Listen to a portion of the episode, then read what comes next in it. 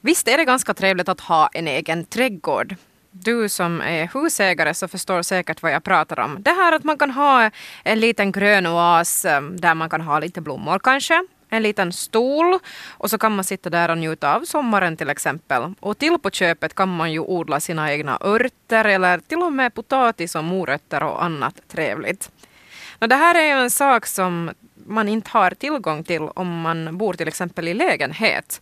Då har man ju ingen egen gård utan då delar ju man den med många andra. Jag kan tänka mig att det inte skulle vara speciellt uppskattat om man på en på en flervåningshusgård skulle börja ja, dra upp gräsmattan för att där börja odla sina örter. Ja, det har kanske inte varit så hemskt populärt. Men på sina ställen finns det ju koloniträdgårdar som är ett alternativ då. Eh, alltså ett litet, eh, en liten oas eh, där man kan kan odla och, och, och, vara. Och nu i Hangö så, så, finns det medborgare som gärna skulle vilja se att, att man skulle ha möjlighet att ha en liten koloniträdgård. Och jag har Veronica Montén på plats i Hangö och nu ska vi få träffa en av dem som står bakom just det här initiativet. Jag sitter i Hangö på boulevarden, boulevarden på det här nya lunchcafé här och dricker morgonkaffe tillsammans med Margareta Gustafsson. God morgon. God morgon. Du är en av de här som gärna skulle se till att det skulle finnas koloniträdgårdar i Hangö. Kan du berätta lite, eh, hurdan koloniträdgård vill du skapa? Va, vad handlar det om? No, det har varit senaste tio år har det varit en grupp människor, hela ganska många kanske, som har varit intresserad av det. Och det har gjorts tidigare önskemål om det och en och annan har sprungit i stans tekniska nämnd och talat om det. Uh, jag skulle själv vilja ha en sån som på samma gång skulle skapa sån här um, samhörighet åt den gruppen som jobbar där eller som har en sån här kolonialträdgårdsområde. Och att äh, människorna på det sättet skulle ha möjlighet att vara nära naturen, ha kanske ett litet trädgårdsland eller endast en gräsmatta och ett äppelträd, riktigt hur man själv vill. Och skillnaden till de här spalterna som finns är ju det att kolonialträdgården kan ju vara från 200 till 500 kvadrat.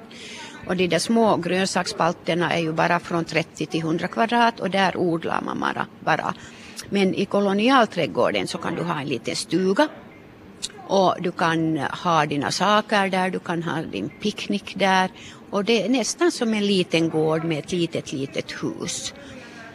Själv bor du i en lägenhet. Varför känner du att, att du själv behöver en sån här, ett eget, ja, ett, ett, en egen plats för dig själv med en liten stuga och kanske lite trädgård?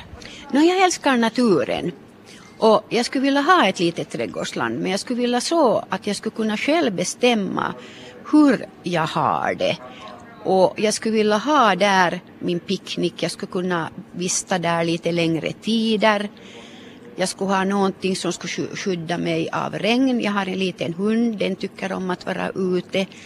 Så, så det där behovet kanske att vara i naturen och uh, i en trygg plats för att om det nu finns en 20-30 andra små hus där eller uh, tomtar, hela gårdar hur man säger så det är ju helt annat som fara till en skog alena till exempel och vista där timmatal och ha sin picknickmat med och och hur många tror du att, att eh, vill ha en sån här? Vad, finns det efterfrågan?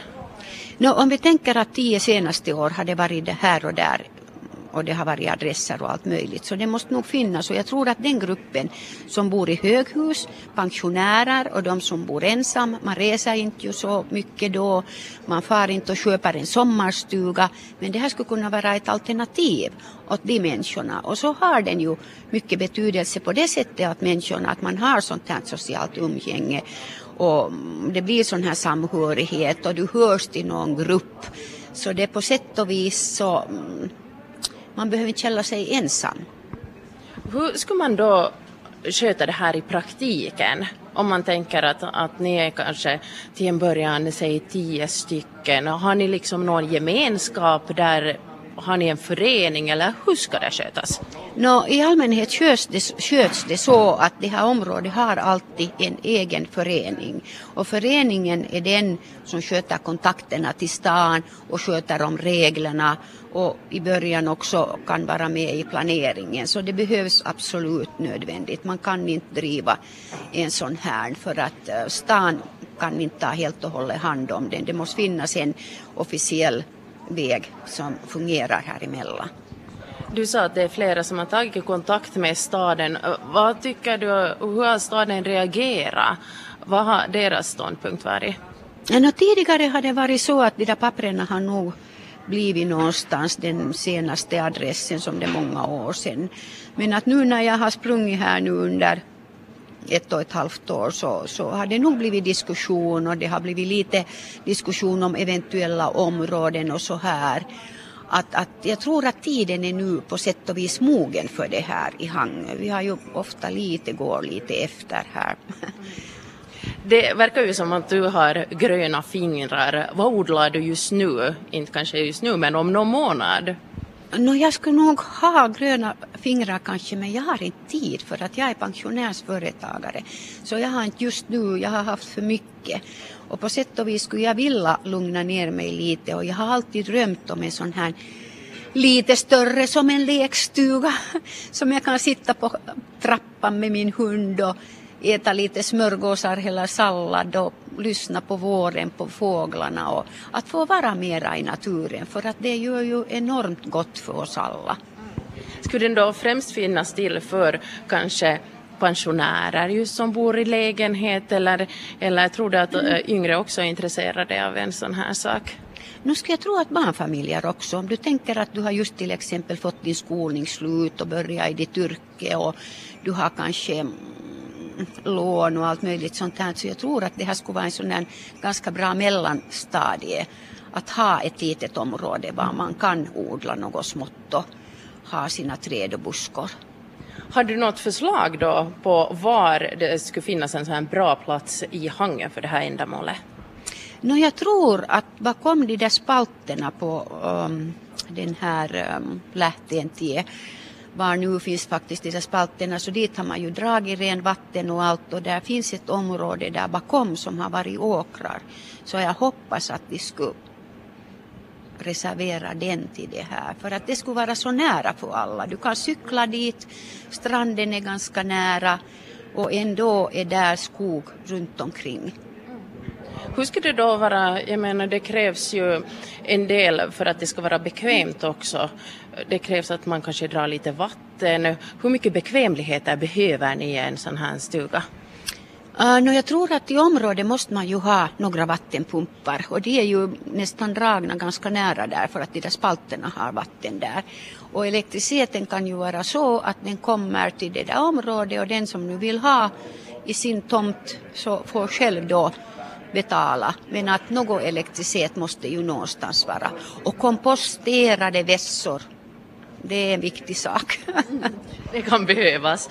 Eh, nu är ju då läget det att Hangö stad ska, ska ta en sån här koloniträdgård i, det, i beaktande när, när staden skaffar ny mark och så utreder man om det finns områden som är lämpliga för just kolonialträdgårdar.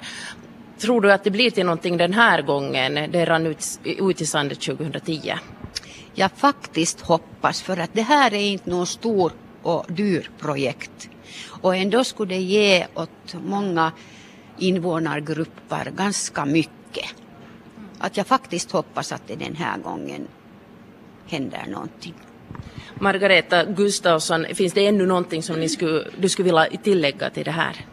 No, jag skulle vilja berätta det att jag har märkt att väldigt många människor märker inte, eh, förstår inte skillnaden mellan de här grönsaksspalterna och kolonialträdgård. För att de här grönsaksspalterna är ju bara 30 till 50 kvadratmeter muldmark. Där är ingenting annat. Och kolonialträdgården är 200 till 500 kvadratmeter var du kan ha en liten byggnad. Och du kan ha ett staket runt så det är bara du som bestämmer vad du gör på den där gården. Nu slår det mig när du säger det här att hur är det med, med prissättning? Vad, va, vad tänker du när det handlar om, om pengar? Jag menar, kanske en, en del har kanske inte möjlighet att sätta ut så mycket pengar på att arrendera då eller ha en sån här liten stuga. No, man måste ju betala en hyra av det där området som man har hyrt och så måste man, om man vill ha en liten stuga eller något, så den kostar ju också.